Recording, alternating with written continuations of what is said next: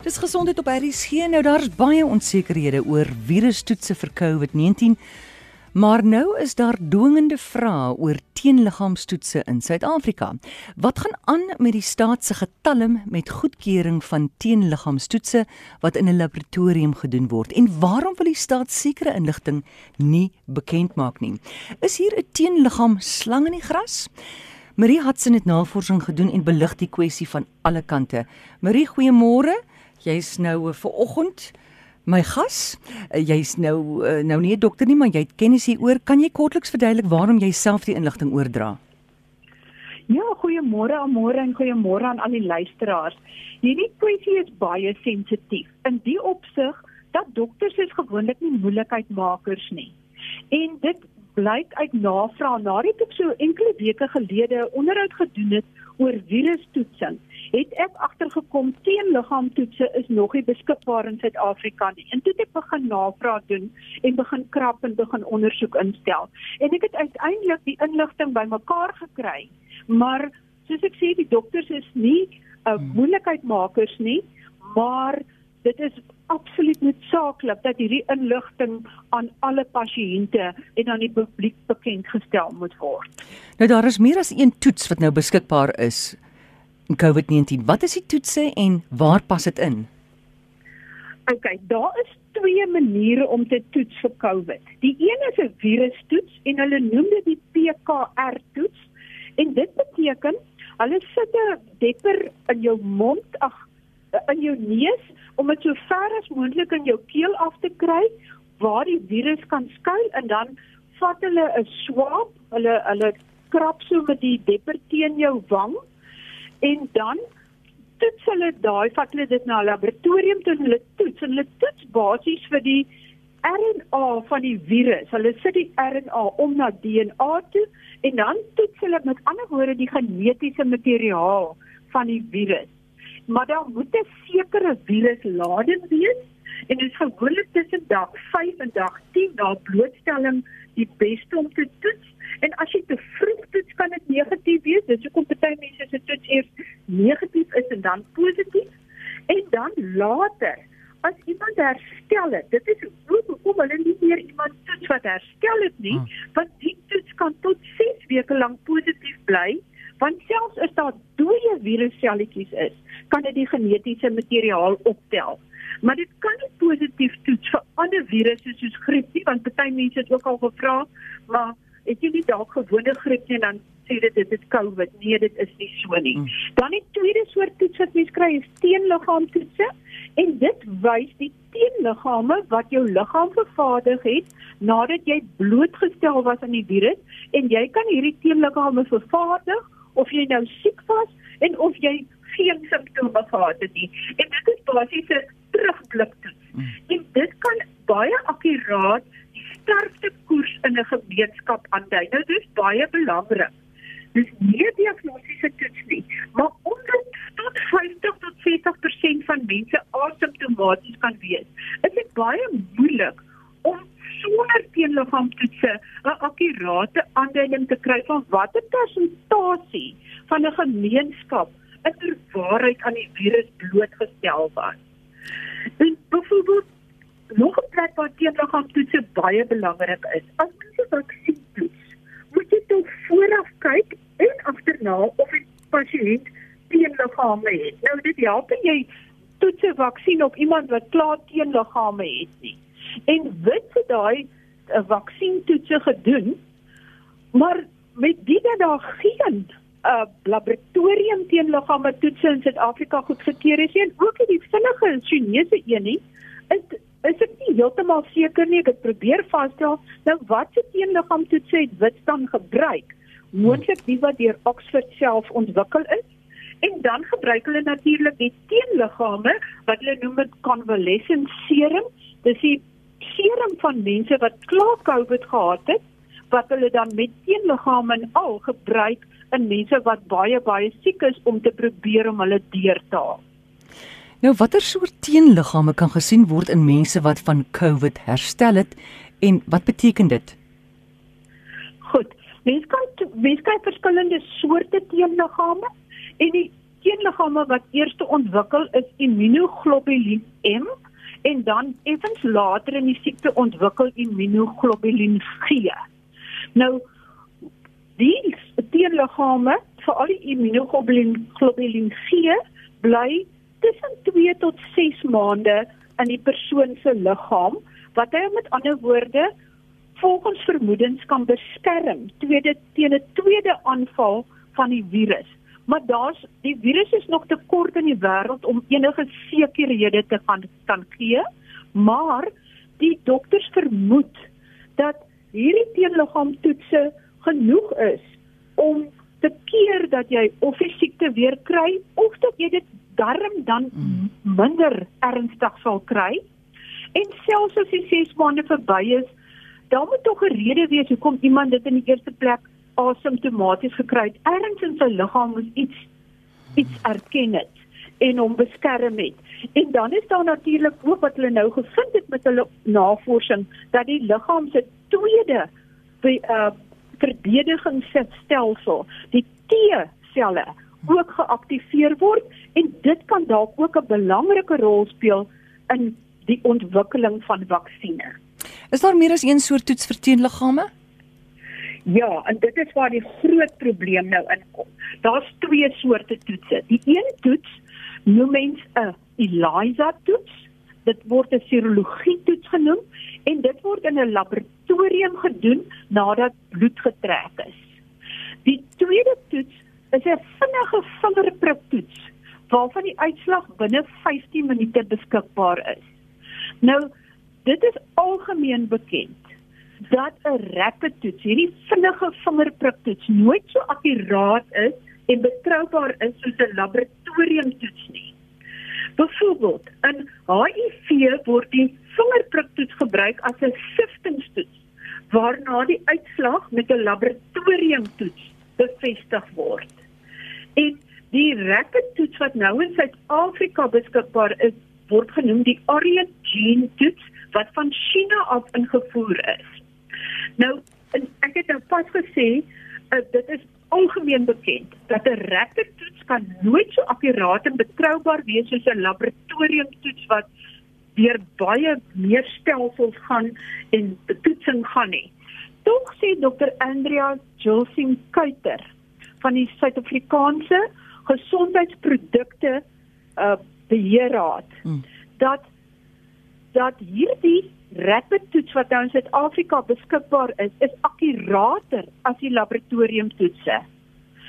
En onmiddellik daarna sê sy ook dit is slegs dit het slegs middelvlak akkuraatheid en dit is nie akkuraat genoeg om deur algemene praktisyns, aptekers of 'n individu te gebruik gebruik te kan word nie en ook nie in gemeenskappe met 'n lae voorkoms van COVID Dan dit gaan nou nou duidelik word hoe ek hierdie stellings maak. Goed, nou president Ramaphosa het onlangs aangekondig dat teenliggaamtoetse nou wyd in Suid-Afrika beskikbaar sal wees. Is dit darm aan die gebeur? Ja, hierdie toetse is wyd, is nou wyd beskikbaar. Maar die die uh, dit is nie in die private sektor beskikbaar nie, net in die staatssektor. Maar hoe weet ons nou hoe uh, hoe akkuraat is hierdie toetse?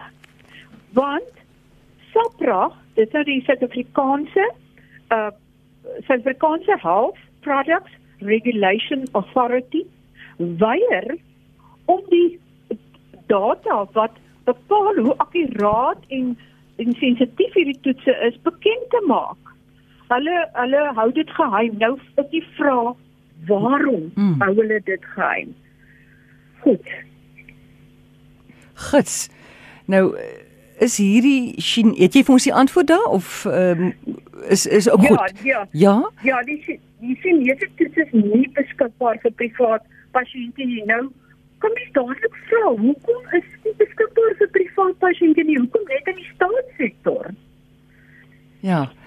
Ehm um, wat is die vraag waarop nog antwoord gesoek word oor die Chinese rapetoetse?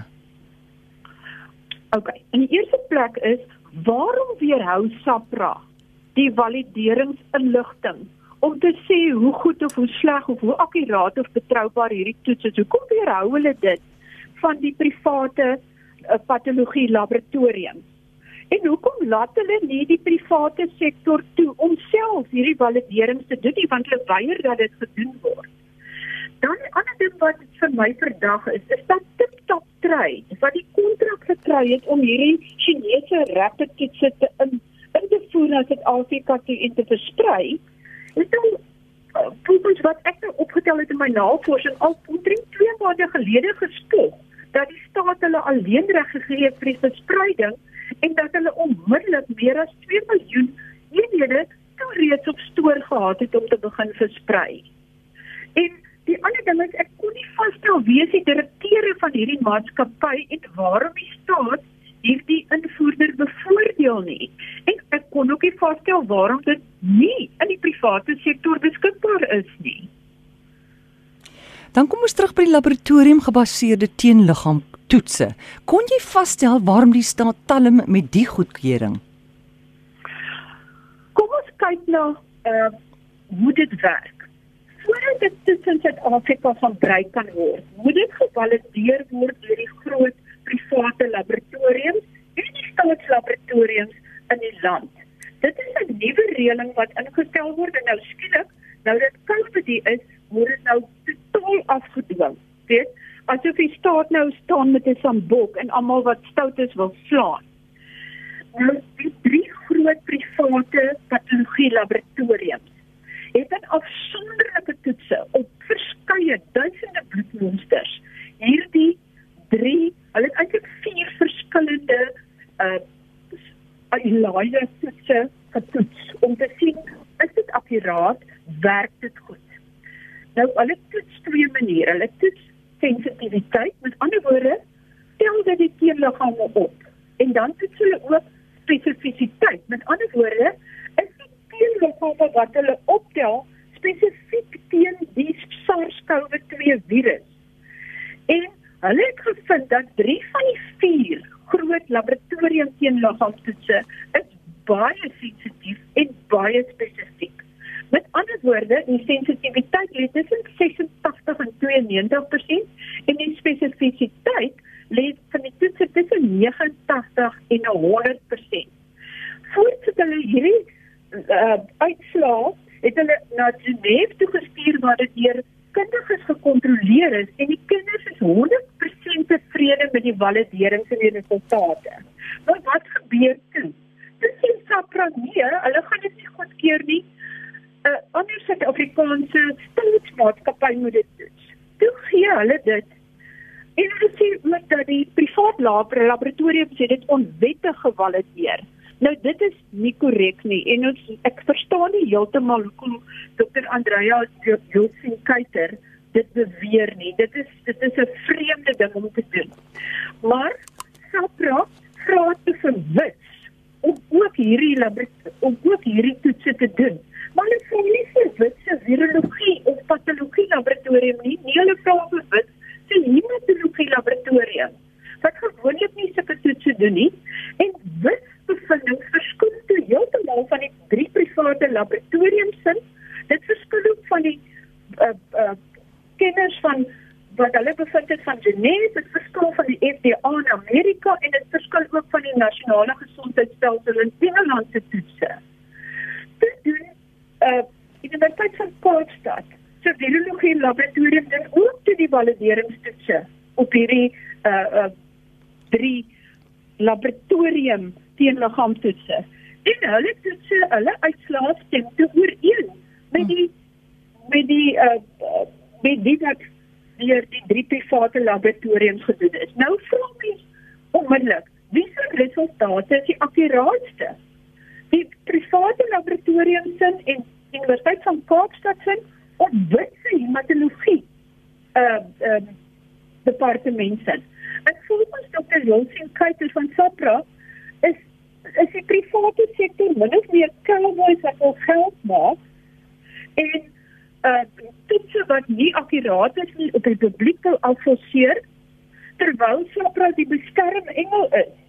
Maar die vraag vir die dokters my nou almekaar weer peper is is dit korrek? SAPRA het die FDA in Amerika en in Engeland het van hierdie toetse onttrek, maar sover ek kon vasstel is dit nie waar nie. En ek gaan nie toetse se name noem, dis van Roche, Abbott en Euroimmun sodat iemand kan gaan Google en gaan kyk en die private laboratoriums en die private sektor wag nou al 3 tot 4 maande vir SAPRA om hierdie goed goed te keur.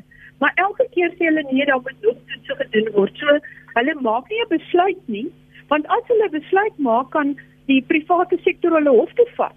Hulle talm net. Dit is dit is 'n baie vreemde situasie wat hier aan die afspeel is.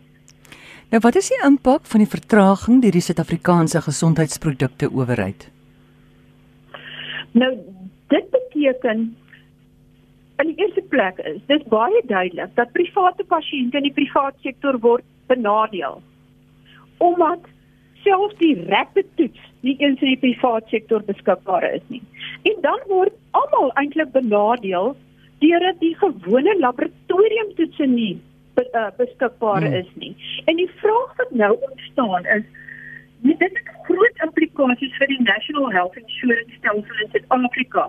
Dit is staatse inmenging in private en selfs staatsgesondheidsdienste. Want die vraag is nou, kies die staat moet dit vir almal en dis klaar? En hulle besluit nou as COVID is, is dit hierdie toets en klaar, die daai Chinese groep maak geld of as dit HIV is, dan kies jy daai toets en dit is dit. Die ander vraag wat gevra word, is daar 'n vreemde alliansie tussen SAPRA en WITS? Want hoekom word WITS so goed nou bevoordeel? En word die besluite van SAPRA in belang van wetenskap en die pasiënt geneem of in belang van invoerkontrakte en kontakte? Sjoe, behoort Suid-Afrikaners besorg te wees oor die getalm deur die Suid-Afrikaanse Gesondheidsprodukte Owerheid spesifiek betreffende die laboratorium teenliggaamtoets en dan ook Marie in die algemeen oor hulle gesloer met die registrasie van medisyne in Suid-Afrika. Ja, dit is dit is onbehoorlik. Dit is dit, ek dink dit is onsensitief in Amerika en in Engeland het hulle uh, 'n noodmaatreëls ingestel om toetse so vinnig as moontlik beskikbaar te stel. Hierso sit hulle al 3 tot 4 maande op hierdie gevalideerde toetse. Hulle gee nie 'n antwoord nie en hulle skuil agter hulle getalm. Maar buiten dit is SAPRA berig daarvoor dat hulle dikwels moet moet maatskappye wat medisyne wil registreer en dit gaan vir belangrike teen kankermedisyne, teen artritis medisyne, nuwe soorte antibiotikas, kritiese sorgmedisyne. Dan sit hulle dikwels tot 2 jaar voordat hulle dit goedkeur terwyl dit klaar deur die EC in Amerika of deur die konservatiewe Europese medisyne beheerrade goedkeur is. Maar so trek ek in wag is wag om dit goed te keur en pasiënte ly skade. En jou slotsom oor die kwessie in 'n netedop? Ek is baie bekommerd oor hierdie autoritaire uh neiging wat nou deur SAPRA en dis eintlik maar die staat getoon word en dit voorstel volgens my baie groot probleme wanneer daar besluite geneem moet word oor protokolle vir die behandeling van pasiënte wanneer die nasionale gesondheidsversekering ingestel word. So ek is bekommerd hieroor want dit dui op 'n groter probleem wat aan die kom is. En enige iemand is as SAPRA of enige iemand op my navraag reageer, is dit met die grootste liefde sê ek hulle ten volle kans om alles te antwoord en as die patoloog besluit om amptelik kommentaar te lewer, ek moes net hierdie hele mm. kwessie moes ek openbaar maak. Ek kan nie langer swyg daaroor nie want ek dra pasiënte van alle uh, afdelings, privaat en die staat op die hart. So enige iemand wat verder hieroor wil gesels, kontak my gerus en volgende week gesels ek dan weer oor gewone gesondheidsgoed. Goed en waar kan mense jou kontak Marie? Hulle kan skryf aan my by gesond by rsg.co.za.